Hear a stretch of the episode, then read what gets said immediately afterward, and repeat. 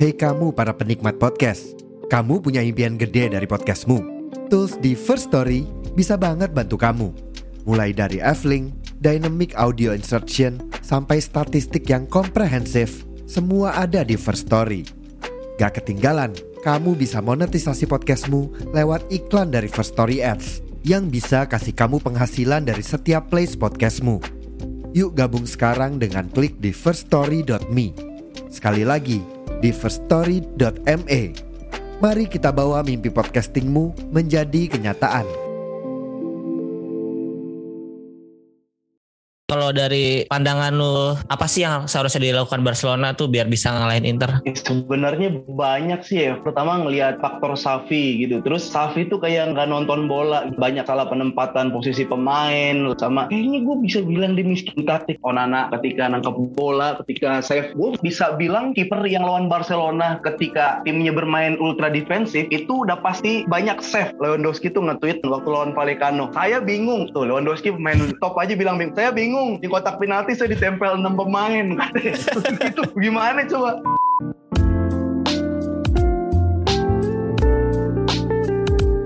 Halo selamat pagi, siang, sore, dan malam. Kembali lagi di Intrisme Podcast Podcast yang bahas berita-berita seputar Inter Yang dikutip dari sosial media dan portal-portal berita olahraga Halo apa kabar teman-teman semua? Kali ini gue ngetek di tanggal 10 Oktober Tanggal cantik nih Tanggal 10-10 Jadi kali ini harus ada bintang tamunya dong. Bintang tamunya juga spesial nih. Beliau ini adalah seorang komika Terus aktor juga Udah main di beberapa seri sama film juga. Terakhir di Mendadak Darurat Filmnya Bang Panji. Terus dia juga podcaster pastinya. Dan kayaknya udah mau merambah ke dunia sportcaster nih Akhir-akhir ini nih. Langsung aja gue present Bang Afif Safi. Halo Bang halo teman-teman. Halo, mana bro? Aman ya, bro? Lihat baju gua nggak bang? Apa tuh? Nih. Wah, emang keren, keren lu bro. Baju gua tuh yang ini nih, yang kaos Catenaccio nih. Iya. Ya, eh. Ih, kelas, kelas, kelas, kelas, kelas. Gua pas ada live ya waktu itu ya, pas lu bilang lu punya baju boba, wah itu pasti angkatan pertama awal-awal podcast gua Mejeri tuh. Gokil, respect, respect. Iya, jadi gua emang dengerin noise dari podcast pertama kan si Berisik ya. Mm-mm. Podcast kedua kayaknya lu ya, Boba iya, ini. Gua,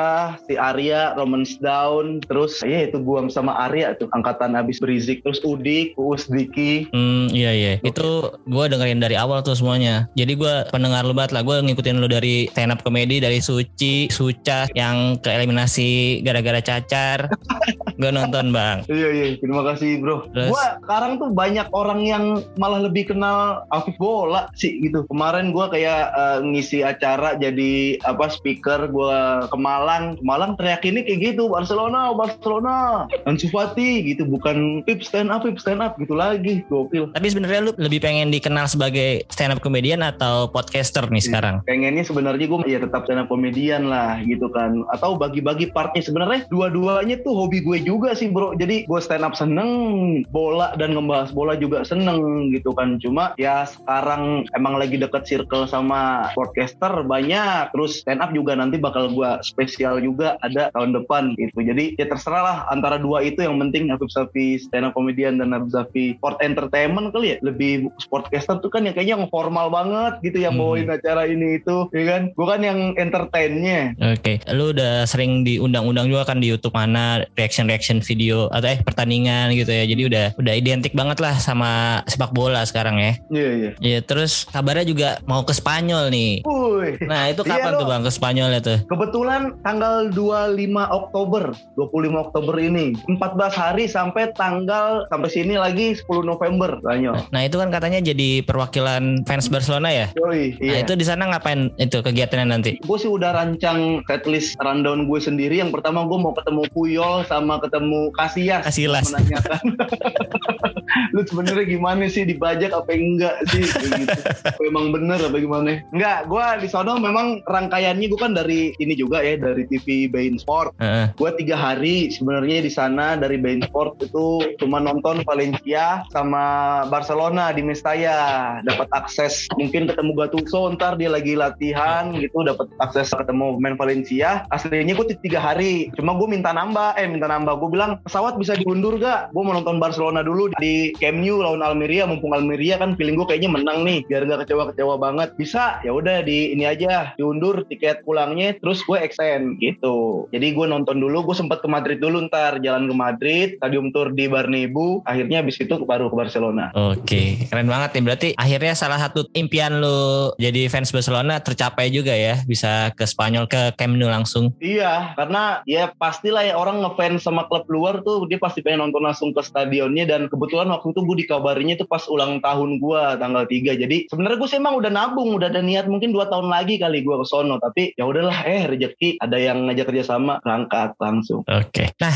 kalau ngomongin Barcelona nih, gimana sih awal cerita lu bisa jadi fans Barcelona? Sebenarnya sih gue udah pernah denger nih, karena gue pendengar pendengar podcast lu sejati, gue udah denger ceritanya. Cuman kan ini teman-teman yang dengerin Teresma Podcast mungkin ada yang belum denger. Tapi menurut gue aneh sih kalau suka bola nggak dengerin boba tuh aneh sebenarnya. Makanya Woi, mantap mantap bro. harusnya sih udah denger ya. Cuman ya boleh lah diceritain ulang nih bang. Gimana ceritanya? Ya gue benernya kalau anak-anak lahir tahun 90-an tuh rata-rata sukanya Itali gak sih? Banyak Ya. Itali karena yang ditayangin Itali itu yang Centro Campo, Liga Calcio itu gue pertama sebenarnya Roma dulu. Gue umur 5 tahun, 7 tahun tuh kayaknya Roma ya, bukan lahir 95. Mm-mm. Dicekokin sama abang gua tuh waktu logonya masih AS Italia, Kappa itu pemain-pemain kayak Montella, Candela, Totti, terus pas Batistuta pindah ke Roma lebih seneng lagi terus Scudetto Romanya seneng tuh karena disiarin mulu. Tapi gua seneng itu karena mungkin ibaratnya nggak ngelihat liga-liga lain kali. Gue belum kenal Liga Inggris, belum nonton Liga Italia, mungkin belum nonton Liga Jerman gitu. Jadi kayak terpaku sama satu doang nih gitu kan. Cuman berpikirnya kayak tunggal doang nih. Nah nggak lama gue nonton Liga Inggris, Liga Spanyol gitu kan. 2004 tuh gue mulai tuh, gue mulai kayak suka Deco, gue mulai suka Liga-Liga Spanyol udah mulai ketonton tuh. Gue lupa ya di Trans 7 apa ya dulu, eh apa TV 7 apa ya dulu Hmm, itu TV tujuh. nyarin di situ. Heeh. Tapi berbarengan sama Liga Inggris. Liga Inggris tuh seneng Arsenal juga. Seneng Arsenal tuh kayak ini Arsenal kayaknya udah yang paling jago lah gitu kan. Ada Thierry Henry, ada Bergkamp. Udah gue Thierry Henry banget tuh. Tapi gue nonton dua, Arsenal Barcelona, Arsenal Barcelona, nonton Deco, nonton Deco sampai Safi kadang masuk per sub, super sub. Nah ini enak juga. Sampai akhirnya ya udah gue ketemu Arsenal Barcelona 2006 tuh. Sama-sama gue suka tapi masih Arsenal banget gue. Nah di situ gue dukung Arsenal kalah tuh si Nah, Liga Champion ya? Arsenal. Liga Champion Ya, final, final ya. Liga Champion terus wah kayaknya ini deh yang terbaik buat gua karena gua waktu itu cuman suka dianterin sama teori Ongri doang kan? Belum yang mempelajari Arsenal apa filosofinya apa berangkatnya kayak gimana dia sama tim-timnya latar belakang backgroundnya apa gue belum tahu. Habis itu gue suka ya udah akhirnya gue ke Barcelona kebetulan. Ada Xavi ada Ronaldinho ada ya banyak lah Puyol. Waktu itu si Bergkamp ya pernah bilang kalau lu ngefans sama klub kalau bisa jangan berdasarkan piala jangan berdasarkan dia sering juara atau karena klubnya apalah. Tapi kalau lu ngefans tuh kalau lu udah berasa lu ada di dalamnya gitu kan. Kata Bergkamp begitu tuh. Hmm. Terus gue kepikiran ke Barcelona. Apa sih backgroundnya? Baru gue cek lagi Barcelona. Oh dia Katalan. Sempat mau misah sama eh, pemerintahan Spanyol gitu kan. Terus mau merdeka harus kuat. Dulu ada tertindas kayak pemain-pemain yang mau ke Barcelona, pemain-pemain hebat sama Madrid dihalangin gitu kan. Ada politisasi yang skor 11-1. Ternyata ada ancaman ini, ada ancaman itu. Wah kayaknya gue banget nih yang tertindas nih. Langsung gue mikir saat kita beda, saat kita berseberangan, kita harus kuat. Nah itu Barcelona gue anjing nih Barcelona gue banget nih. Baru akhirnya tel udah ada Safi, temu tiki takanya, gue pelajarin itunya dulu tuh. Latar belakang backgroundnya, oh masuk sama daerah gue Petamburan, Tanah Abang, kayak gitu, oh masuk. Jadi sesuai banget ya sama filosofis kehidupan lu juga ya. Nyambung lah ya. Iya, nyambung, nyambung. Itu udah kalau udah kayak begitu nyatu. Tapi kalau pemain ada nggak yang pertama kali bikin lu jatuh cinta ke Barcelona? Apa dari nama lu nih, Sa- Safi nih. Jadi dari Safi Iya. juga. Heeh. Pertama gue emang suka ini ya Thierry Henry, terus Deco tuh, Deco kan lumayan lah, lumayan awal-awal, terus apalagi pindah ke Barcelona. Setelah Deco pindah ke Barcelona kan mulai-mulai saingan sama Iniesta masuk pelan-pelan, Xavi masuk gitu kan. Oh ini sangar nih ternyata nih, Giuli mulai agak-agak kegeser. Baru gue ngeliat ternyata eh, ada orang yang penyuplai bola tuh satu tim tuh bisa bergantung banget sama lini tengah. Itu Xavi sih gue ngeliat lamboyan maestronya ada di situ yang gue bikin wah kayaknya gue emang gelandang deh. Main bola juga di gelandang deh. Hmm, Gitu. Jadi lumayan panjang juga ya pencarian jati diri lu gitu ibaratnya pencarian tim yang terbaik yang lu suka sampai sekarang nih lumayan panjang ya dari awalnya Roma terus ke Arsenal sampai akhirnya ketemu Barcelona ini. Ya mirip-mirip kayak nyari pasangan hidup lah ya.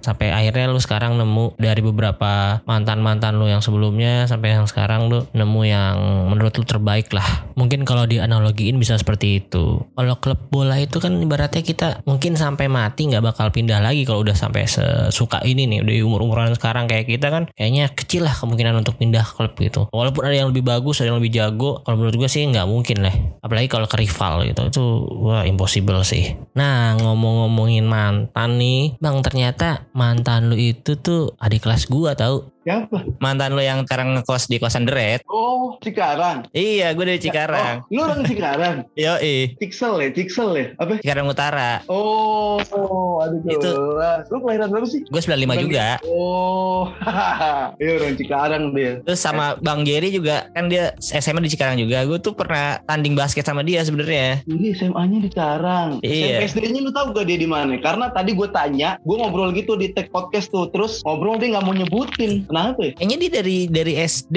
SMP, SMA kayak sama deh sekolahnya. Sekolah gue juga nama sekolahnya Karya Iman. Ah, Karya Iman nama Karya sekolahnya. Karya Iman. sekolah muslim? Sekolah non muslim. Enggak. Sekolah swasta. he. Oh, iya kenapa dia nggak mau ceritain ya? Thank you bro, thank you gue udah dapet info. Barusan tadi gue penasaran kenapa lu nggak mau ceritain? Karena gue sama Donzel udah ceritain sekolah gue di mana ini di mana dia nggak mau dia ceritain masa kecilnya. Kocak. Iya iya. Jadi gitu deh. Jadi ya Oke. sebenarnya masih ada ini nih koneksinya nih sebenarnya kita nih bang. Oke, next kan kemarin Inter di pertemuan pertama menang 1-0 atas Barcelona. Kalau kita lihat dari statistiknya sebenarnya Inter kalah di segala lini dari possession aja cuma 28% banding 72%. Jumlah passing 200 sekian banding 700. Itu pokoknya semuanya kalah deh. Shoot on target doang yang seimbang sama-sama dua. Nah kalau dari pandangan lu di pertandingan kemarin, apa sih yang seharusnya dilakukan Barcelona tuh biar bisa ngalahin Inter? Kemarin eh sebenarnya banyak sih ya faktornya. Gue pertama ngelihat kayak faktor Safi gitu. Terus Safi tuh kayak nggak nggak nonton bola gitu. Banyak salah penempatan posisi pemain, line up line up di awal juga enggak lah buat gue lah gitu. Sama kayaknya gue bisa bilang dia miskin taktik karena oke lah waktu awal-awal tuh Barcelona main jelek banget. Dia punya counter, dia punya counter. Dia nggak megang bola, dia nggak nguasain bola. Dia nggak ngasih itu ke Inter ya ternyata. Makanya dia megang bola, nguasain bola mulu. Udah gitu nggak sampai depan juga. Yang bikin gue kesel nih sebelum ke lebih ke teknis lagi. Dia tuh kayak yang percaya banget sama Gavi ya. Hmm. Tapi gara-gara dia Gavi diposting sama si Bastoni diseret-seret. Hmm. Maksud gue ya itu gara-gara lu lu terlalu cinta sama anak Spanyol jelas-jelas kalah fisik di situ gitu kan. Kedua dia sebenarnya punya Casey yang mungkin bisa lebih pengalaman dari pemain-pemain lain buat ngadapin Inter karena Casey sering di Milan. Dia nggak mainin Casey dari awal. Dia mainin babak kedua juga udah mau habis. Hasilnya apa? ya? Casey tuh diposting lagi sama Acerbi gitu ya. Dia kan kayaknya ada Iya. press sama Mhm. Acerbi. Jadi Casey dapat malunya doang, nggak dapat bertarungnya, dapat malunya doang. Banyak lah Safi. Di depan, di depan dia nonton gak sih jeda internasional rapihnya tuh gacor banget di kanan mainnya di Brazil, di Leeds juga di kanan mainnya bagus. Ditaruh di kiri yang jelas-jelas dia kakinya kiri mati kan nggak bisa kanan. Ame Iya. Alonso malah mepet. Lewandowski dikepung tiga orang. Jadi, ngapain lu beli striker mas gua kalau yang lain juga nggak fungsi. Gavi Pedri, Pedri doang udah paling lumayan. Busquets udah mau mati lah kita tahu Busquets. Harusnya tuh harapan dua ada di fullback. Dulu Barcelona punya fullback yang kalau overlap jauh banget sampai depan sampai dia yang jadi assist. Alves kan kalau main punya uh, overlap dayanya jauh banget sampai jadi assist ke kotak penalti bahkan tinggal cutback shoot gol. Si kiri punya Jordi Alba di masa prime. Dia nggak ada kayak gitu. Udah menurut gua nggak ada solusi lagi dan lawan yang dihadapin ya berhasil ngelakuin yang harusnya dilakuin dengan nggak usah megang bola. Ya udah yang penting kita ngegolin aja. Kayaknya Inter seri pun kemarin nggak apa-apa deh. Kebetulan golin aja jadi udah menang lah. Iya iya setuju gue ya. Gue juga sebagai fans juga ya nggak berharap banyak sebenarnya dengan pertandingan Inter versus Barca kemarin. Karena Barca juga sebelumnya di Liga lagi top form juga ya. Hmm. Eh, winning streak 5 kali kalau nggak salah ya sebelum lawan Inter tuh kemarin. lima kali dan lewa lewa tuh pasti golin mulu cuma kan Heeh. proses golnya juga beda lah ini Inter memang kayak Inzaghi kan sebelum bertanding kayak dia udah bilang deh saya akan bertahan dengan rapi dan meningkatkan kedisiplinan pemain kayak wah ini mah udah tinggal yang penting jangan kebobolan udah kayak gitu sebenarnya udah aman sih buat ngelawan Barcelona yang penting jangan kebobolan karena Barcelonanya nggak punya pemain mungkin yang mecahin dead deadlock atau punya cara lain ketika parkir bis ultra defense nggak bisa ditembusin dia punya cara lain itu. Dan yang bikin Barcelona susah golin adalah ketika Lewa ke kunci. Dia kan ngegolin Lewa semua tuh. Lewa, Hmm. Lewa, Lewa, top score Lewa. Nggak ada pemain lain yang punya insting cetak gol selain si Lewa sih. Hmm, hmm. Iya kalau gue lihat kemarin juga di awal kan wingernya kalau nggak salah Dembele di kanan, kirinya Hmm. si Rapinya. Iya, tapi taruh kiri ya. Nah itu ya Heeh. gitu-gitu aja tuh Dembele gocek gocek gocek nggak lewat passing balik dulu ketutup sama pemain back Inter ya bolak balik aja tuh nggak nggak crossing atau nggak bisa nge-shoot ke gawang Bener.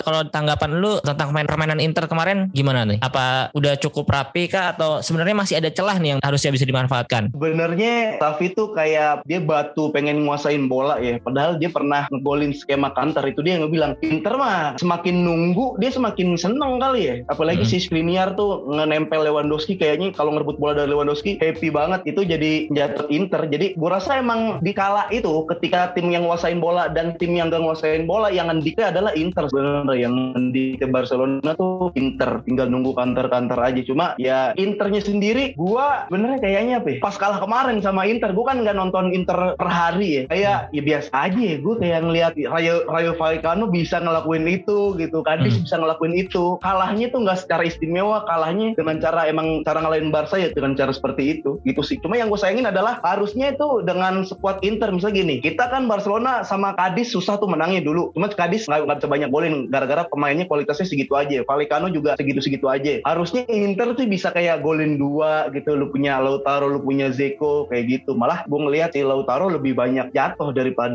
bikin peluang buat Inter Iya iya emang dia kalau nggak bisa ngelewatin orang jurus andalannya emang jatuh doang sih berharap belas kasihan wasit. Nah, terus ngomong-ngomong wasit nih, kemarin Presiden Barcelona juga nggak tahu tadi atau kemarin ya, dia bikin statement kalau ini gue udah ngelaporin ke UEFA nih wasit yang kemarin katanya ada indikasi Inter istilahnya nyuap wasit lah, bayar lah gitu. Cuman ini agak ini sih kalau dari sudut pandang Interisti gimana ya? Ini fitnahnya kayak nggak ini nggak berdasarkan fakta gitu. udah tahu Inter itu Hmm. tim yang beli pemain aja musim transfer kemarin nggak beli gitu, cuman beli dari free transfer Iya. sama minjem doang. Terus Bener, bayar bener. gaji pun susah. Pemain-pemain kayak Perisic, Alexis Sanchez yang gaji gede pada dilepas. Nah ini Hmm. masa mau ngebayar wasit duit dari mana lagi? Udah tahu yang punya orang ini Tiongkok.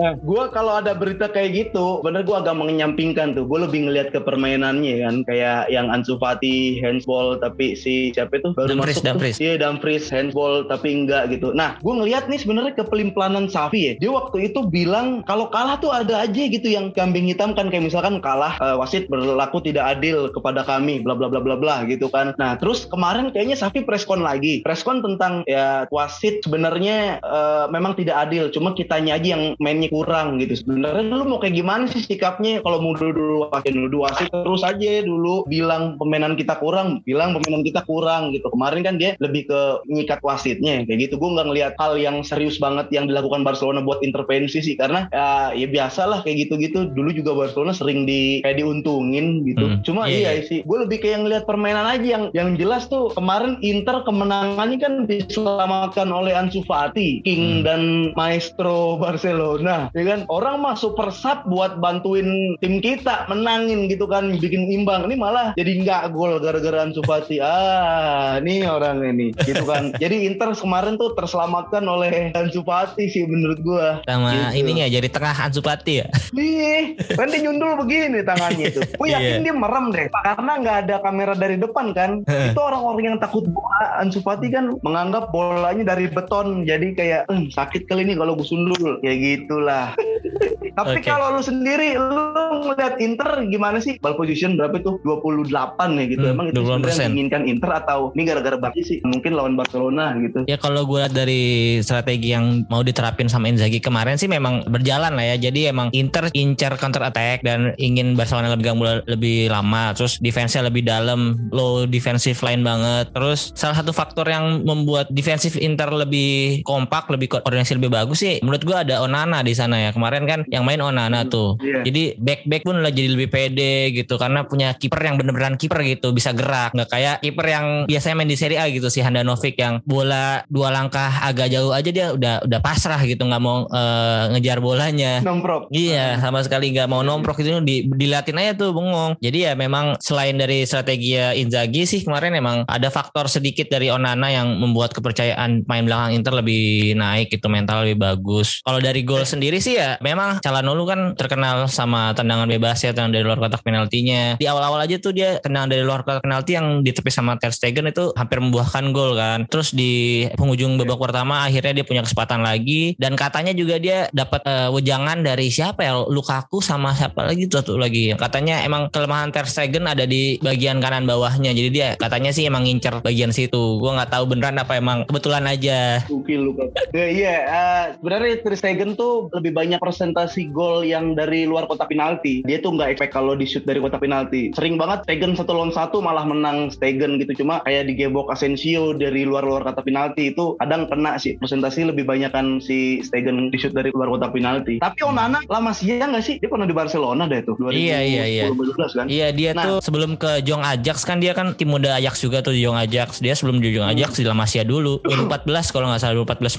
15 dia. Hmm, hmm. jadi ya salah satu hasil produk La Masia juga yang berhasil menurut gua. Gua kalau masalah perkara Onana gue banyak tuh fans Inter yang seneng banget sama reaksi-reaksi seneng banget Onana ketika nangkep bola, ketika save gitu kan. Gue bisa bilang kiper yang lawan Barcelona ketika timnya bermain ultra defensif itu udah pasti banyak save. Pertama banyak save dan lebih banyak keserangnya. Jadi kiper kelihatan bekerja apa enggak kan ketika dia melakukan save atau diserang kayak gitu kan. hmm. Dan probabilitas untuk terciptanya gol karena pemain yang defense bener-bener dalam banget itu lebih kecil. Paling lu bisa di shoot dari luar kotak penalti atau hmm. apalah gitu. Nah untuk urusan nangkep, untuk urusan refleks, gue belum bilang si Onana menurutku bagus banget gitu ya. Tapi mungkin mungkin kenapa lu happy, mungkin kenapa orang-orang Inter happy, Onana nih dia ternyata bisa playing football dari bawah. Itu kali yang bedain sama kiper-kiper sebelumnya kali. Karena Oblak pun jadi jago, ya Oblak emang jago sih. Kiper-kiper Cadiz, kiper Vallecano, hmm. kiper semalam, kiper siapa ya? Celta Vigo ketemu Barcelona tuh jadi jago. Cuma dia bisa tenang nggak kalau misalkan lagi nguasain bola. Ternyata Onana bisa. Itu sih mungkin yang menurut gua kelebihan dari Onana ya. Mungkin karena dia dari Spanyol juga dulu masih kecil apa enggak. Cuma masalah refleks nangkep menangkep mah semua kiper lawan Barcelona tuh gue yakin pasti jago tuh. Itu yang mau kita bahas kemarin tuh kan gue bilang. Iya itu ya gue gue gue yakin juga sih ada ada faktor itu tuh. Pasti kiper yang lawan Barcelona pasti akan lebih banyak diserang segala macam. Cuman kalau dari sudut pandang Interisti nih kalau misalnya yang main Handanovic itu gue yakin minimal 3 atau 4 gol lah kayaknya. Akan bersarang dia nggak ada jiwa leadershipnya atau kenapa dia? Ya dia tuh emang tipenya kan kalem-kalem gitu ya. Hmm. jadi kalau Beckham melawan kesalahan ya udah dia ngomelinnya gitu doang gitu nggak. Maksudnya oh. cuman ngomelin di akhirnya doang nggak meng apa ya iya, nggak yeah. mengkoordinasi dia dari belakang gitu. Lu misalnya screennya lurusin untuk dia the fridge bla bla bla gitu. Dia nggak nah. kayaknya nggak nggak terlalu vokal lah. Padahal kan dia kapten harusnya dia yang bisa mengatur teman-temannya di lapangan kan. Mm-hmm. jadi ya gue seneng banget sih akhirnya Inzaghi udah mempercayai Onana untuk main lebih sering. Bukan bukan gue nggak respect sama Handanovic ya. Handanovic memang di ya tiga tahun ke belakang masih jago. Cuman sekarang ya secara refleks secara leadership koordinasi itu udah agak kurang jadi ya udah saatnya lah diganti kalau menurut gue ya. Dan menurut interisti yang lain juga banyak kan mikirnya gitu juga sih karena kita nonton seminggu sekali itu ada aja kejadian yang bikin kita ah anjir gini lagi ada Novik udah berkali-kali lah pokoknya. Uh, uh, iya iya. gitu bang. Iya timing timingnya juga ketika nangkep bola terus atau abis save selebrasi dulu gitu kan kayak Albagir di Indonesia tuh itu iya, sebenarnya iya. ngaruh juga buat iya kan bisa naikin mental temen ya kalau kayak gitu ya. Nah terus kalau dari pemain Inter nih yang main kemarin ada nggak sih yang lu suka permainannya gitu? ada nggak? Iya iya. Ini ya mungkin yang yang ngikutin instruksi pelatih banget ya. Karena jarang megang bola gitu kan depannya apalagi. Tapi pemain yang kayaknya ngikutin instruksi pelatih dan ditugaskan terus dia berhasil sih Kriniar sih. Karena dia ada tiga back ya. Siapa lagi samping-sampingnya tuh? Acerbi uh, sama Bastoni. Acerbi Bastoni. Jadi dia bener-bener bebas. Ketika Lewandowski jadi false nine narik-narik juga Amini tetap diikutin. Karena dia sadar masih ada dua dua orang di tengah gitu dan kayaknya tuh Inzaghi maunya kayak gitu jangan kasih balik badan Lewandowski akhirnya dia berhasil ngelakuinnya itu sih Kriniar jadi kapten kan dia kan Ya kemarin pertandingan lawan Iya, Barcelona karena si Handanovic nggak main dia jadi kapten. Kriniar buat Itali tebas-tebasannya udah pas banget buat Liga Italia tuh gue demen tuh. Oke, terus kan Barcelona nih dengan squad yang sekarang mungkin masih ada kekurangan segala macem. Yang pengen lu ambil dari Inter misalnya bisa milih satu pemain, si Skriniar itu apa ada yang lain untuk melengkapi kuat Barcelona yang sekarang? Hmm. Dia dia punya eh, punya sayap kiri yang kenceng gak sih yang yang sprinter Kalau yang sekarang sih tipenya crossing crossing, paling ada Robin Gosen tuh. Cuman ah, ya bosan ini kan Jerman apa ya dia bukan sih? Iya Jerman, cuman kayaknya di Iya. Inter kurang cocok strateginya, jadi Iya, jarang iya, dimainin. Gua gua sih pengen siapa aja dari Inter tapi buat main di posisi gantiin Ansu Fati aja gitu maksud gua. Tuker sama Ansu Fati aja mau dicadangin mau enggak nih ambil nih Ansu Fati tuker sama Gosens. Iya Gosens, Gosens gua sering nonton tuh di klub sebelumnya juga sering nonton. Iya di Atalanta dia Iya, main sebelumnya. Ya itu Hmm. Gacor lah tuh di Atalanta dulu. Hmm. Nah ngomong-ngomong Ansu Fati, emang sekarang kenapa sih bang? Apa gara-gara ganti ke nomor 10 nih? Ya itu semua opini orang-orang netizen-netizen bener semua gue iyain beberapa nomor punggung iya emang males mah iya kayaknya inilah dia apa ya orang orang ngantuk disuruh main bola orang ngantuk mau tidur moodnya mood mau tidur disuruh main bola sama Safi jadi kayak gitu di lapangan nah Ansu Fati kan dia katanya ini banget ya racing star banget gitu Hmm. kan gue sekarang untuk sekarang belum ngelihat Ansu Fati di situ ada di kata racing star ya. Kalau alasannya dibilang gara-gara cedera Dembele waktu itu cedera lebih parah cederanya 6 bulan sekarang bisa lari bisa nendang gitu kan. Masih muda masih hijau ditabrak jatuh mulu Gavi ngotot mainnya lebih muda. Nggak ada lagi alasan buat nggak bisa main bola. Dia kayak bener-bener orang nggak bisa main bola nggak mau keluar Hmm. keringat juga kalau main bola. Balance-nya juga kurang. Head banget aku kalau Ansu Fati lah emang kurang kok. Gimana? Iya. Bukannya gua benci malamnya Barcelona aja enggak. Kayak ya udah nih di rumah lu lagi ada barang yang rusak gitu masa lu nggak mau benahin barang yang rusak lu mau ngeganti atau taruh rongsok gitu kan ini barang rusak aja Ansu Fati udah Berarti kalau sekarang Lord di Barcelona nih si Ansu Fati nih. Ansu. Fati. Kan dulu kan ada ada, ada Martin Braithwaite nih. Kalau sekarang gelarnya pindah ke siapa? ke Ansu Fati lah Ansu Fati satu duanya si Ferran Torres Oh, Ferran Torres justru. Iya, iya. Kemarin dia nggak sempet main ya. Kenapa ya? Padahal di City dia lumayan oke lah. kalau di City dia oke sih pasang mulu ini juga udah ke di Barcelona main gitu-gitu juga dia tuh aduh ya ampun gimana ya? Dia dikasih bola berhenti dulu gitu. Dia tuh belum tahu bola harus dikemanain sebelum nerima bola gitu. Jadi otaknya lama kan Iya. dia mungkin berpikirnya dap bola ditaruh dulu terus baru mikir mau ke mana nih? Mau ke mana nih? Momen hilang gitu kan. Pemain kan bisa sambil mikir sambil lari mau dikemanain visi misinya nggak ada. Itu Ferran di situ. Padahal dia kan sebelumnya main di Liga Spanyol juga ya di Valencia ya. Heeh, heeh. Tapi di, di Valencia di timnas juga. Iya, Timnas kan orang Spanyol asli dia, padahal ya. di kanan dia di timnas tuh tapi gue nggak tahu dah di Barcelona kenapa kayak begitu dah ampun kalau Gavi gimana bang? Kenapa dia masih sering dimainin padahal menurut lu kurang gitu? Apa karena namanya mirip sama Safi? ya Beda huruf Iya. doang. Jadi kalau kenapa dia sering dimainin Barcelona tuh sekarang kan dia high press juga mainnya. Nah dia tuh buat orang pertama yang ambil bola Hmm. kalau Lewandowski agak jauh. Jadi dia kan kayaknya sih masih 20 meter 30 meter tuh bola deket sama dia dikejar mulu. Itunya tuh buat ngerusak playing football pertama dari musuh. Jadi yang bikin pressnya berhasil rata-rata si Gavi. Musuh jadi long ball nggak jelas tiba-tiba blunder. Itu Gavi orangnya gitu. Tapi kenapa sekarang agak terlihat aneh? Karena sekarang ketika di press musuhnya berhasil mulu bisa tenang bisa lewat gitu kan. Itu mungkin yang sekarang jadi kelihatan cuman kayak bocah lari-larian doang. Dulu mah gue masih mewajarkan dia dipasang mulu karena emang berhasil. High pressnya berhasil bolanya jadi kerebut makanya dia dipasang. Sekarang tuh udah mulai kayak agak aneh-aneh kan gitu. Cuma seaneh-anehnya Gavi kalau menurut gue gue masih bisa apresiasi karena fisiknya bagus dia. Maksudnya bukan fisik balance buat body-bodyan ya secara tenaga dia masih oke. Sono sini kejar itu sih yang masih bisa diapresiasi. Gavi mah gak terlalu parah menurut gue masih bisa diselamatkan gitu Gavi Nah, lu kan berarti tadi kalau kita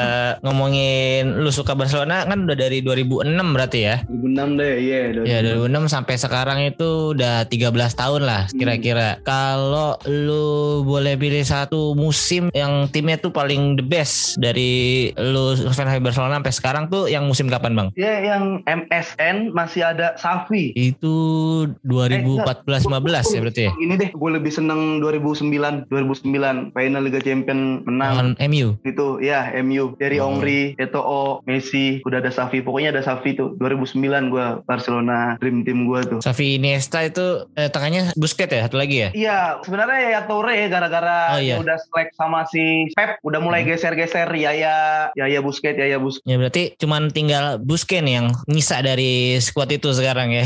Bener. Malah jadi Maksud gua- kapten lagi sekarang kan dia. Iya, eh, eh, dia tuh iyalah tua senior, cuma napasnya nggak ada, udah nggak ada, fungsinya juga udah udah disfungsi lah istilahnya udah mana Safi naruhnya ke depan banget. Dulu kan ya udah pure jangkar aja dia holding distribusin bola. Sekarang dia jadi maju, ikut attack, bantu attack. Turun kan dia empot-empotan itu Hmm. yang kelihatan jadi kayak tua banget, loyo banget. Iya, padahal untuk posisi itu tuh ada gak sih backupnya? Si Casey sih harusnya ya. Iya. Casey sama Frank De Jong ya. De Jong itu role-nya sama nggak kayak Busquets? bisa sebenarnya dia bisa dimainin kayak gitu cuma waktu dijajal memang beberapa kali agak kelihatan kurang. Dia kan mungkin seringnya double ya. Kayaknya di ayak double dari ada temannya Hmm. tapi kemarin dijajal emang kurang. Dia kegedean space-nya buat gantiin busi cuma benernya bisa sih. Dan sebenarnya dia lebih muda dan lebih ada tenaga. Bisa di situ. Bisa Casey bisa di situ. Cuma itu dia Safi. Kayak nggak nggak punya pemain namanya Casey gitu dia. Kayak ngapain dibeli kalau nggak dimain-mainin gitu kan. Apa jangan-jangan dia nggak suka sama ininya bang, rasnya?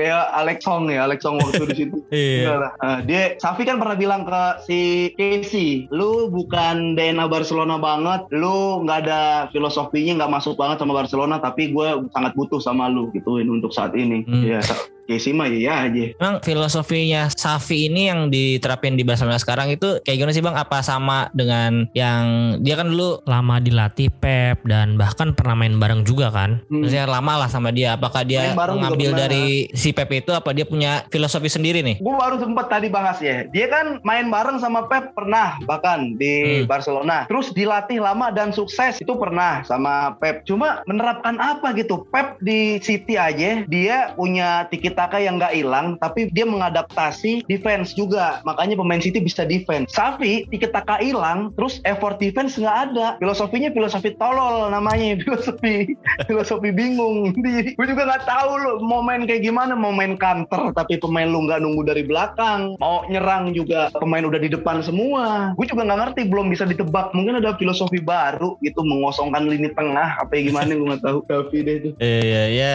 Gue juga nggak ngerti sih kenapa si Safi yang ditunjuk sebagai pelatih Barcelona ya kemarin ya. Padahal kan secara track record dia juga belum menangani klub-klub yang besar lah ya. Dia baru dari Liga Qatar ya, apa Liga Arab gitu kan terakhir. Heeh. Sebenarnya itu dia jadi pelatih Barcelona gara-gara kampanyenya pas pemilu presiden Barcelona kemarin dia tuh di dibawa sama siapa ya bahkan bukan Laporta yang bawa kampanyenya si aduh gue lupa lagi pokoknya ada kampanye salah satu presiden Barcelona akhirnya Bartemo kegeser tapi tetap Safi dan ya udah ayo kata Laporta jalan bareng kita jalan bareng dia kampanye dari tiga Mhm. presiden itu Nih memang ya kalau di Barcelona ya cukup kental banget ya untuk politiknya bahkan dari pemilihan pelatih pun ada unsur-unsur seperti itunya ya. ada ada Hmm. Tapi kalau tadi kan udah tim terbaik lu menurut lu tahun 2009 itu ya 2008 2009 ya berarti ya. Kalau dari pemain best starting eleven siapa aja nih kira-kira? Kalau boleh nyebutin satu-satu. Mulai dari pelatihnya dulu deh. Pelatih favorit lu siapa nih? Pep atau Frank Rijkaard atau siapa nih yang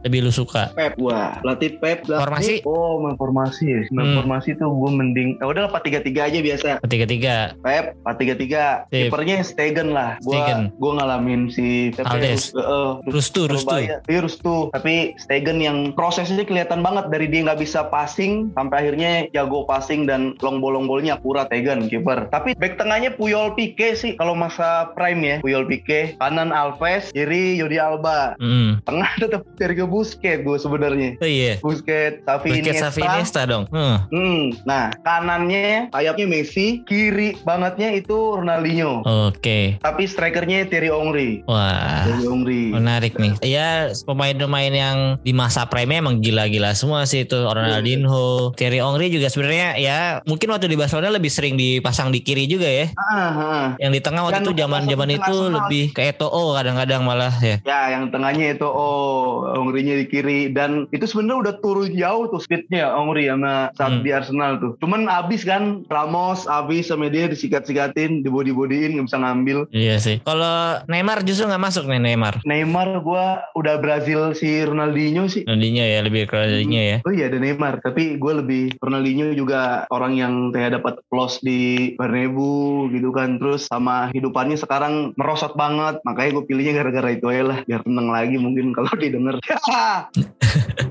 Berarti dari 11 main tadi nih yang masih aktif, eh, yang masih di Barcelona sekarang nih ada si Busquets sama Pique ya. Pique juga menurut lu dia bah- bahkan kemarin nih lawan Celta Vigo dia main ya starter karena si Christensen cedera, si Araujo masih cedera juga ya. Apalagi tuh satu lagi backnya yang cedera. Christensen, Konde, Araujo. Ya Konde, Konde juga masih cedera Oh, ya. Ini Pique ini menurut lu masih layak nggak main di Barcelona dengan ini yang sekarang nih? Iya kalau mau tega-tegaan sih mending bilang enggak sekalian ya. Cuma ya karena kalau emang mau revolusi total mendingan enggak sekalian ya. Cuma kadang gitu sih. Dia tuh salah satu orang yang bisa bikin tenang gitu kan. Dia orang yang leadershipnya bagus. Kayak gitunya yang gue masih mempertimbangkan ya. Apalagi dengan kondisi yang kayak kemarin lawan Celta Vigo tuh dia kan ya ya udah bilang tua. Ada orang yang tua masih kenceng. Ronaldo tuh tua masih kenceng karena fisiknya beda, hormonnya beda. Pique ini tua ya udah mah tua gede gitu kan. Cuma dengan semangatnya dia kalau semalam backnya bukan Pique tuh kayak mungkin banyak deh kebobolannya Barcelona sama Celta Vigo. Masih bisa bisa intercept aja deh. Cuma kalau dibilang udah harus masih ada apa enggak Pique di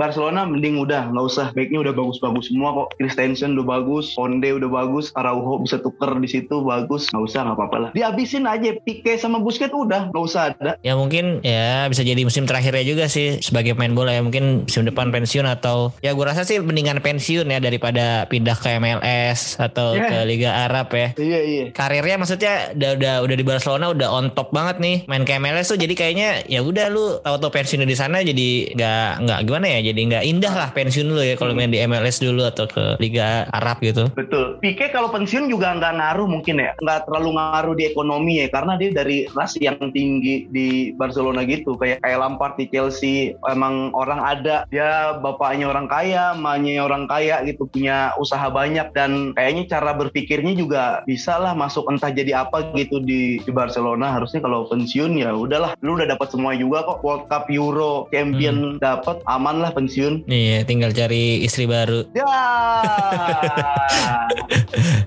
Oke. Next kita bahas ke pertandingan selanjutnya nih. Inter lawan Barcelona akan tanding tanggal 13 hari Kamis jam 2 pagi. Kali ini mainnya di Camp Nou. Untuk pemain Inter sih yang cedera nih masih ada Brozovic, Hokin Korea, Lukaku juga masih 50-50 lah. Mungkin dia bakal ada di bangku cadangan jadi gak langsung main dari starting 11. Kalau menurut gue sih pasti Inter akan berusaha mengincar satu poin. Hmm. Gak mungkin sih dia bakal main lebih menyerang Wah, apalagi di kemarin di kandang aja mainnya ultra defensif gitu nggak mungkin sih kalau di Camp Nou berani-berani menguasai bola atau ya lebih attacking gitu dari formasi yang diisuin aja si Inzaghi itu bakal mainin 3-5-1-1 jadi strikernya cuma Lautaro doang gelandangnya itu seperti kemarin ada Aslani Barella sama Calhanoglu terus kanan kirinya si Di Marco sama Dumfries sama depannya ini si Mkhitaryan nih Mkhitaryan yang main sebagai IMF striker Lautaro jadi menurut gue sih ya emang bener-bener ngincar counter attack aja sama ultra defensif kayak kemarin kalau dari Barcelona pemain yang masih absen ada siapa aja bang masih banyak back-back itu Araujo, Konde sama Christensen. Christensen sih nggak terlalu parah ya, tapi eh, tetap sempat di, diragukan tampil juga. Sisanya sih masih kayak line up line up semalam lawan Celta Vigo dan lawan Inter di leg pertama sih. Cuma Hmm. gue lebih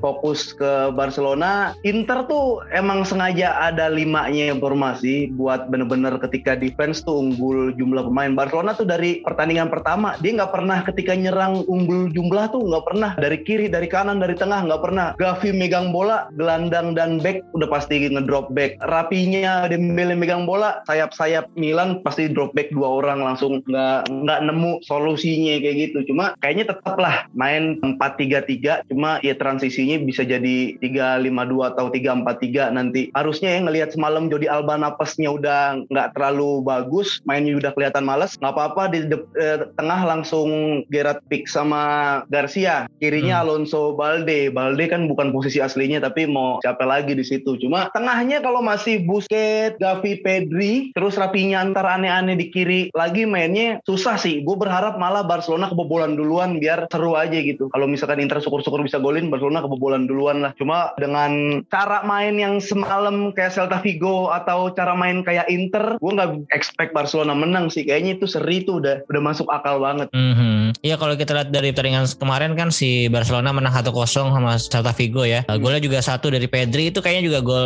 kalau dikata coach Justin ya gol nemu lah ya. Itu bolanya si backnya salah antisipasi jadi Pedri bisa rebound bola dan cetak gol ke gawang si siapa nih kipernya Marchesin. oh Nana oh Enggak si kemarin yang si Celta Vigo yang kemarin. Kalau yang yang yang Nana kan dianulir karena karena Ansu Fati. tangan itu sama sih prosesnya mirip-mirip lah ya. Si Pedri sama nemu sama dapat bola nemu lah istilahnya kan. Mm-mm. Terus kemarin backnya juga kalau gue lihat dari formasi yang di Google nih Gerard Pique sama Alonso justru ya Alonso yang dipasang di tengah nih karena si Eric Garcia juga mainnya Iya. dari cadangan justru. Apakah oh eh, ini semalam Iya yang semalam tuh. mati mati Alonso nggak bisa lari dia nggak bisa defense Iya orang dia kan posisi aslinya back back kiri kalau nggak eh, wing back lah ya. Jadi Iya. ditaruh di back tengah ya. iya iya iya Apalagi di di sistem 4 back sejajar kan dia nggak belum terbiasa mungkin ya di Chelsea main 3 back, di Hmm. Fiorentina dulu sebelumnya Hmm. 3 back juga. Kayaknya sesuatu yang baru jadi ya belum bisa adaptasi banget si Alonso. Terus depannya kemarin yang main Rapinya Torres nih sayapnya. Rapinya ditaruh di kanan nih bener nih. Sama Torres tetap Iyalah. di kiri sih. Cuman justru ya memang banyak sih eh, peluangnya kalau lihat dari highlight ya. Rapinya dari luar kotak penalti juga hampir cetak gol tuh. punya tendangan kenceng dia Eh, secara statistik juga Barcelona sangat menguasai. Tapi shootnya berimbang sih. Si Celta Vigo juga banyak ya, 14 shoot. Iya, ap- apalagi babak kedua, babak kedua tuh dikontrol Celta banget, nggak ngapa-ngapain Barcelonanya. Iya berarti dari hasil yang kemarin lawan Celta Vigo ya walaupun menang sih. Tadi prediksi lu cuman imbang nih atau bisa menang sebenarnya kalau lawan Inter besok. Ya line up-nya ya, kalau misalkan Safi bener-bener berani eksperimen sekalian, deng Busquets ganti Casey, De Jong dari awal, Gavi belakangan, Rapinya sama Dembele ya jangan dimainin barengan gitu kan. Misalkan Dembele dulu main di kanan, kirinya entah Ferran atau siapalah gitu, nggak usah pakai kiri banget. Udah ntar gantian switch ball. Kayak kemarin misalkan Safi ketika Rapinya baru nyaman di kanan udah diganti kayak gitu-gitunya yang bikin nggak semangat lagi Barcelonanya. Kita lihat aja sih, gue belum lihat line up-nya sih. Cuma seri ini yang paling masuk akal sih sebenarnya. Oke oke. Tapi kalau menurut lu tuh lu bisa ngeliat nggak ada apa sih titik lemah Inter nih yang seharusnya bisa nih di bagian mana gitu di si Skriniar kah atau dari Bastoni kah? Sebenarnya yang bisa dieksploitasi pemain-pemain Barcelona tuh yang sebelah mana kira-kira? Sebenarnya kalau udah ngumpul semua ultra defense, dia kan pasti drop back dua orang yang nempel, Dembele megang, ditempel dua orang, ditempel gitu. Lebih ke Barcelonanya nih yang punya shoot dari luar kotak penalti gitu kan. Kayak gitu-gitunya doang Barcelona yang nggak ada. Itu lagi emang belum ada solusi kecuali kita punya Iniesta lagi atau punya pemain yang kayak Pedri ada dua. Itu tuh selalu di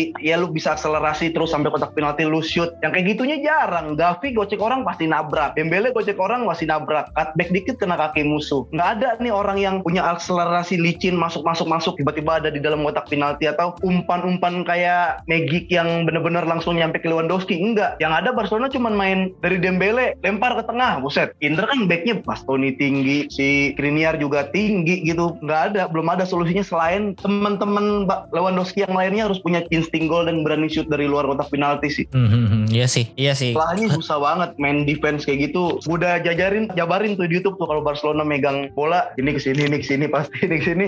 Wah, udah kekunci semua soalnya. Iya, menurut lu siapa yang harusnya bisa sering coba nendang dari luar kotak penalti? Yang punya shoot kenceng tuh kan sebenarnya Dembele, Rapinya sama Pedri kadang-kadang. Sesekali Casey juga punya shoot kenceng. Mereka tuh yang harus sering spekulasi. Minimal minimal bola rebound lah. Kalau lu tendangan kenceng, mental-mental bolanya itu yang yang harus dimanfaatkan pemain Barcelona yang lain. Gebok dari pinggir kencengin aja gebok ke tengah gitu kan. Ntar kena tangan Olana atau kena Bastoni dan lain-lain. Mentalnya itu yang harus bisa dilanjutin. Itu sih kalau lagi numpuk di belakang susah emang. Karena kalau gue nggak tahu nih, ketika Barcelona ngasih bola ke Inter, Internya mau nyerang nggak? Kalau dia nggak mau keluar tuh udah capek banget deh.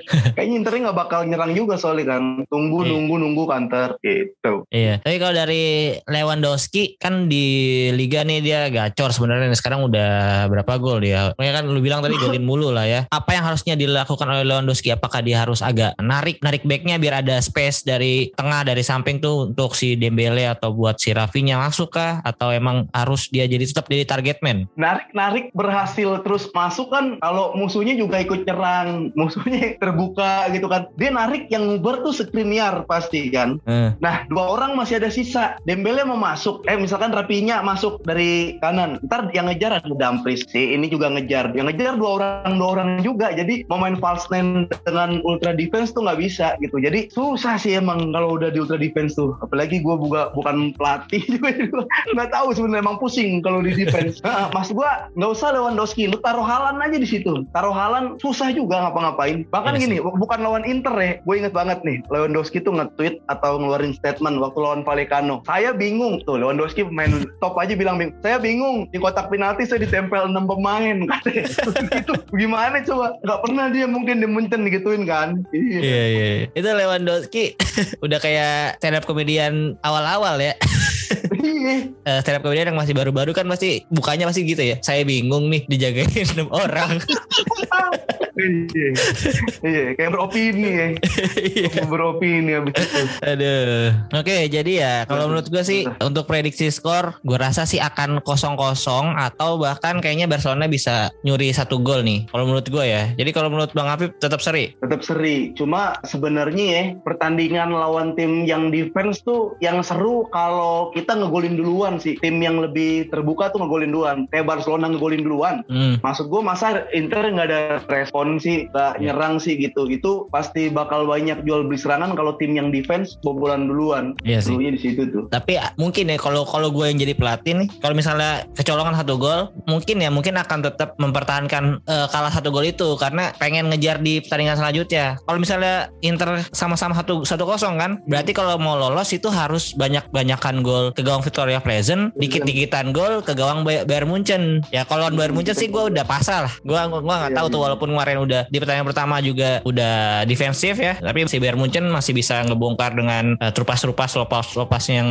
eh, cukup bagus. Jadi kalau lawan Barca Oh, Bayern Munchen sih gua rasa udah pasti kalah lah, apalagi mainnya di Jerman tuh. Jadi gua gua kira sih kalau misalnya Inter kalah lawan Barcelona besok, seenggaknya dia bakalan memperjuangkan menang banyak lawan Victoria Pleasant dan defensif lagi lawan si Bayern Munchen nih biar bisa lolos ke fase knockout UCL. itu bisa lebih lebih lepas lagi tuh kalau ada instruksi kayak gitu sih permainan tuh harusnya bisa lebih pemainnya lebih lepas lagi main sih kalau udah di sejauh itu vis- visionernya eh Iya. oh, sorry dah bentar waktu lawan si Munchen ini kan heading kan ya Lukas kan Hernandez Bukan si Corner. Sane, Sane, dua-duanya Sane. Ini Oh, lopas iya. gitu di Oh, trupas yang dikebut- bola atas. ya? Heeh. Lawan Barcelona juga Barcelona kalah ya? 2-0 kan yang corner si iya iya si Heeh, kalau sama-sama kalah 2-0 cuman kemarin Barcelona menangnya lebih banyak lawan Victoria Pleasant. hmm. 5-1 ya? Dengan Inter kalau Berapa sih kemarin lima, sih? lima, lima, satu. 5-1 kan? Eh, yang lewat hat trick Iya, jadi ya cara salah satu cara Inter biar lolos sih menurut gue itu sih kalau misalnya besok nggak bisa seri atau nggak bisa menang ya pasti dia akan ngototnya di pertandingan selanjutnya tuh ngincer seri lawan Bayern Munchen atau menang sebanyak-banyaknya dari Victoria Pleasant. Cuman kalau lu plot twist nih Barcelona menang lawan Munchen ya itu sih itu juga ya salah satu yang Tuh. kalau menurut lu optimis gak kalau lawan Bayern Munchen sebenarnya? Kalau dari kemarin tuh emang udah optimis ya kan tinggal PR-nya penyelesaian akhir tuh ya karena Munchen bukan tim yang defense kan Iya, itu betul. dia gue selalu lebih happy kalau ketemu lawan yang nyerang juga Barcelona Barcelona ketemu tim Liga X yang mainnya nyerang tapi levelnya satu level Setara. di bawah Manchester City Hmm. ah, atau setara gue lebih senang ketimbang ketemunya Zaragoza Real Mallorca itu udah pasti belakang semua tuh makanya gue optimis lawan tim yang terbuka tuh Barcelona bisa gol lah minimal punya gol peluang gol Berarti kalau dari lu menurut lu Barcelona masih bisa lolos ya dari grup C ini? Aduh, gue tuh sedihnya adalah eh, kalau lolos nanti mainnya kayak begini nih, Safi nggak ada perubahan, itu pasti ntar jadi lumbung gol buat klub-klub lain. Iya sih. Iya, tapi nggak lolos pun masuk Europa League, ntar kalah juga sama klub Europa League sebenarnya. Gue jadi gue lagi nurunin ekspektasi gue aja lah. Ini dukung mah dukung, cuma ya nurunin ekspektasi lah. Bang sakit banget Barcelona mainnya Safi.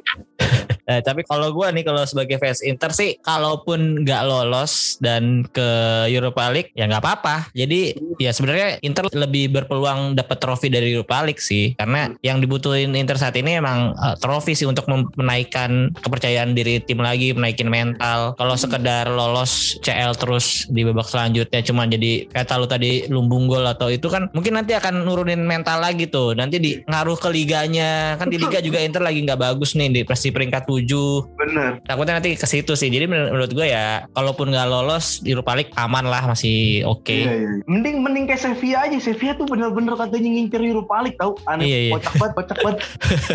Iya. Oke, ya udah. Kalau gitu untuk pembahasan Inter Barcelonanya segitu aja. Gue setuju tadi yang lu bilang kalau Inter mainnya sangat defensif dan ya kayak nggak mau nyerang ya. Gue sebagai fans Inter juga mengakui gitu. Nah, kalau sekarang gue ada sedikit ini nih bang, ada sedikit quiz-quiz trivia nih untuk Nah, tes seberapa ngefansnya lu sama Barcelona. Tapi ini sih pertanyaan gampang kalau menurut gue ya. Harusnya lu bisa jawab Hmm. semua nih. Ini pertanyaannya seputar Barcelona dan Inter. Jadi ya Hmm, Wah, nggak iya. jauh-jauh lah. Udah siap bang? Dah, Sebenarnya gue ada lima pertanyaan, cuman tadi satu pertanyaan udah ada jawabannya, lu udah kita omongin. apa itu? Apa? Ya pertanyaan pertama nih yang paling gampang yang udah lu jawab tadi nih. Siapa pemain di skuad Inter saat ini yang pernah main di tim muda Barcelona? Oh, Onana, Onana. Iya, tadi kan udah, berarti lu udah tahu lu tadi sebelum kita omongin lu udah tahu berarti Oh, bukan, bukan yang itu pertanyaan jadinya. enggak udah tahu berarti udah Oh, itu iya, udah satu satu boleh. poin lah oke jadi udah tahu Oh, duluan oke. terus yang kedua sebutin lima pemain yang pernah main di Inter sama Barcelona ini pemain yang main di Inter Barcelona banyak ada 19 pemain coba lima pemain aja bang Oh, eh, maksudnya pindah dari Barcelona ke Inter juga nggak apa-apa? ya? Iya, pokoknya pernah main di dua tim tersebut. Eto'o, Ya, satu. eh, Ibra ya? Iya, kan dia mereka ditukar tuh. Oh, Dua. iya. Aduh, pernah nggak ya? Mota, pernah nggak sih Mota? Mota yang mana nih? Marco Mota, main Persija. Bukan dong, yang yang pernah gondrong. Tiago ya? Mota, Tiago Mota. Pernah. Pernah, Tiago Mota Ah. pernah. Dua lagi ya? Iya, dua lagi. Siapa ya? Eh, eh, eh, eh, eh, eh, Coutinho. Yo, iya pernah Coutinho. Bertiga ya? Empat. Tadi kan udah Ma- Mota, Eto'o, Ibrahimovic, Coutinho. Satu lagi. Aduh, satu lagi, satu lagi, satu lagi. Koresma pernah di Inter gak? Pernah. Koresma. Yo, iya. jadi Aman. benar. Eto'o, Ibrahimovic, eh, Eh. siapa tadi? Tiago Mota, Coutinho. Quaresma. Iya, pernah tuh. Iya. Semuanya pernah di Barcelona, pernah di Inter semua. Sebenarnya- Siapa lagi sih? Vidal kemarin kan di Inter Vidal. Oh Terus iya. Alexis Sanchez. Gue Vidal pernah di Barcelona. Oh Vidal, iya. Alexis Sanchez. Terus mungkin kalau yang ini yang eh, lebih senior Vigo, Hmm, benar benar benar benar. Vigo Ronaldo, Ronaldo sebelum Iya iya. Seru nih kayak gini-gini ternyata ya. Ronaldo. Yang pemain Terus kurang nih siapa ya? Pemain nggak terlalu ter- nggak terlalu jagonya ada gak? siapa ya? Kalau menurut lu nggak terlalu jago, ini Marco Montoya. Ya, iya Montoya pernah. Di kanan ya? Eh, Bek kiri. Iya, ya? bek kanan Barcelona di Inter juga pinjaman dan nggak dimainin juga sih. Hmm, jadi yang penting bisa jawab 5 Iya, terus Koresma eh, lagi ya. Expect gak lu jawab Koresma? Iya itu salah satu main favorit gue juga sebenarnya tuh. Walaupun dia di flop di Inter, cuman gue suka ininya tendangan outside-nya. Hmm, Dia pernah ngegolin ini. dari sisi kanan pakai outside ke Hmm. tiang jauh. Itu kan keren tuh. Iya. Terus Edgar David kan bang Edgar David pernah di Barcelona juga deh. David David Iya. yang kacamata. Hmm, hmm. Terus, Mata. Mm-mm. terus paling eh, yang nggak terlalu jago si Rafinya Rafinya. Ah itu gue tahu. Iya, gue tadi mau nyebut Rabinya tuh, cuma kayaknya lebih keren jawab Koresma deh. Oke, berarti dua pertanyaan bener semua nih Bang Apip nih. Pertanyaan ketiga nih, tadi kan eh, lu bilang tim favorit lu itu tim Barcelona 2008-2009. Nah, tim yang sama itu dikalahin Inter di tahun 2010 di semifinal Liga Champion. Aduh. Nah, di Ya. pertanyaan di pertanyaan itu ada dua kakak beradik yang satu main di Inter, satu main di Barcelona. Siapakah mereka? Kakak beradik ya? Iya, Anjir, anjir. Aduh, di Inter lagi ada siapa itu waktu itu ya? di pemain Barcelona sih Eh. jarang dimainin sih kayaknya. Maksudnya bukan inti lah kalau dia main Barcelonanya. Dia nggak main kan? Nggak main. Kayaknya di leg pertama yang itu nggak main ya waktu Inter menang. Ya ampun, ada kakak beradik. Gue kira siapa yang golin.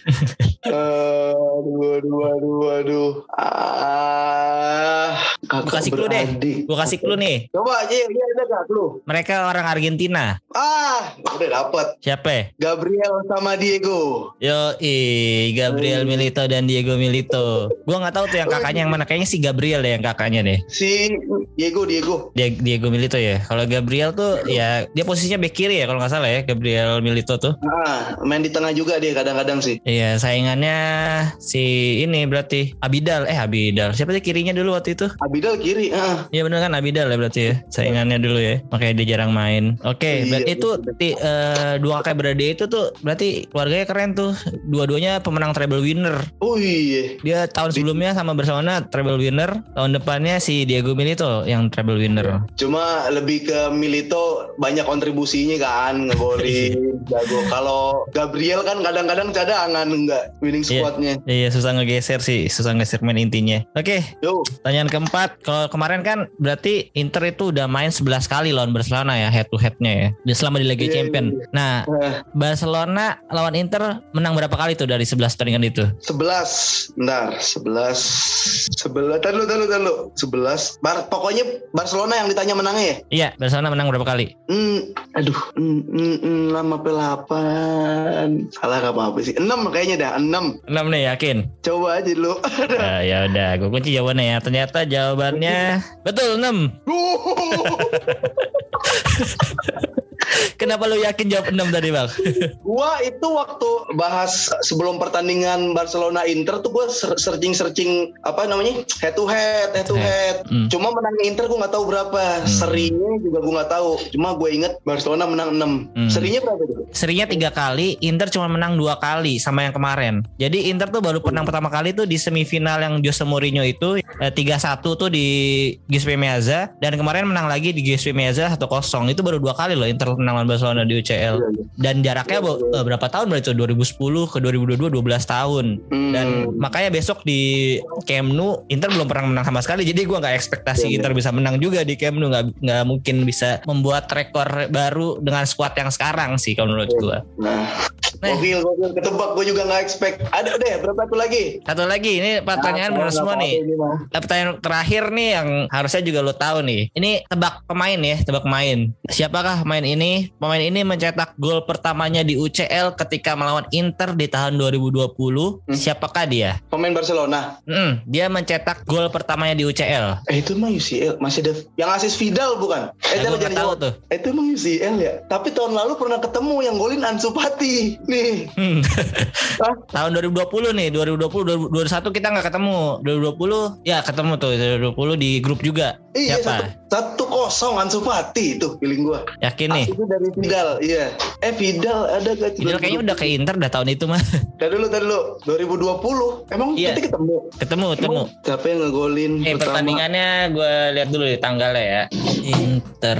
Ini cluenya dia main di kandang Inter pertandingan ini. Siapa yang golin di Barcelona lawan Inter? Barcelona 2020 kalah sama hmm, siapa ya? Selenglet. Nih clue lagi ya. Skor akhirnya 1-2 untuk kemenangan Barcelona. Ah, Inter, tapi Inter Lautaro bukan yang golin. Kalau nggak salah gol menit-menit awal malahan dia golinnya. Aduh nonton gua harusnya tuh. Ini ini musimnya musim 2019 2020 ya. Eh, Iya. tanggalnya tanggalnya sebenarnya 2019 tapi Desember. Nggak tahu gua, nggak tahu gua. Griezmann kali bukan? Masa Griezmann cetak gol pertama lawan Inter. Debut gol debut gitu. Gol debut di UCL. Berarti pemain yang baru pin, oh gol debut di UCL. Nah anjir siapa sih? Nggak tahu gua, nggak tahu gua. Jawab ngasal gak mau jawab ngasal.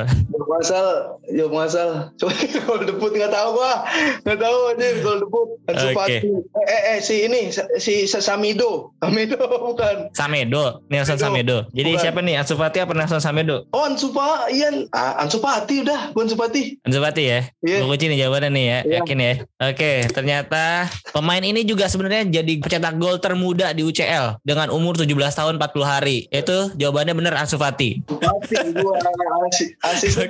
Asisnya siapa asisnya? Kayaknya dia ini deh, soloran gitu deh. Iya iya. Benar lagi gue berarti. Iya, jadi Barcelona itu udah main pakai tim B kalau nggak salah. Jadi itu dia udah nggak emang udah nggak perlu menang lagi untuk lolos. Inter yang butuh lolos. Ansu Fati gol Inter coba gue cari nih. Ada gak ya? Oh iya. Ansu Fati. Iya. breaking Champions League goals against Atau. Inter Milan. Iya gitu bro. Udah bro. Gue ternyata udah mau di ini nih kantor Oke. mau tutup. Ya udah kalau gitu. Makasih banyak ya Bang Habib Sapil. Ntar kita ngobrol-ngobrol lagi abis Barcelona Inter ya. Oke, nanti ya semoga aja kapan-kapan gue bisa diundang juga di Boba nih. Oke, sekali lagi terima kasih Bang Asap Sapi untuk waktunya. Siap. Pokoknya sukses terus ya Bang buat karirnya dan ntar lagi ke Spanyol juga aman-aman di sana lancar kerjaannya dan buat teman-teman yang belum dengerin Boba buruan deh kalian download Noise dan dengerin Boba di sana. Kalau menurut gua tuh kalau lu suka bola belum dengerin Boba tuh belum anak bola banget ya. Terus selain Boba, Bang Apip juga ada podcast Senggol Bacot ya namanya ya. Itu sama Diki Divi, Yuda Braja Musti sama Bang David Nurbianto. Bahas-bahas serba-serbi Betawi deh pokoknya. Jadi jangan lupa didengerin juga tuh. Terima kasih juga untuk teman-teman yang udah mendengarkan sampai habis nih. Kalau ada yang baru dengerin juga jangan lupa di follow akun sosial media gue di Interisme Podcast. Kalau di Instagram, kalau di Twitter ada Interisme Media. Terus follow juga akun di Spotify-nya di Noise, nyalain loncengnya biar kalian dapat notifikasi tiap ada episode-episode baru. Gua pamit, Bang Apip juga pamit. Sampai ketemu lagi. Arrivederci, Forza Inter. Wih.